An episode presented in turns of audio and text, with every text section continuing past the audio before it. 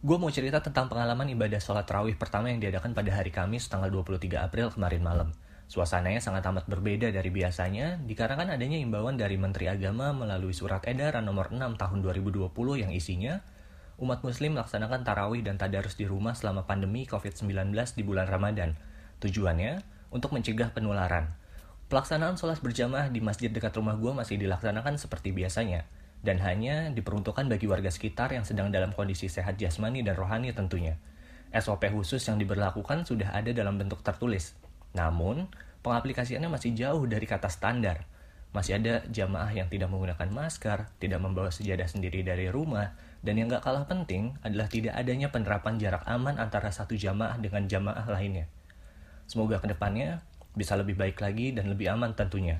Stay safe buat kita semua dan selamat menunaikan ibadah puasa bagi yang melaksanakan. Gue Zakir Wandi dan jadi aktif.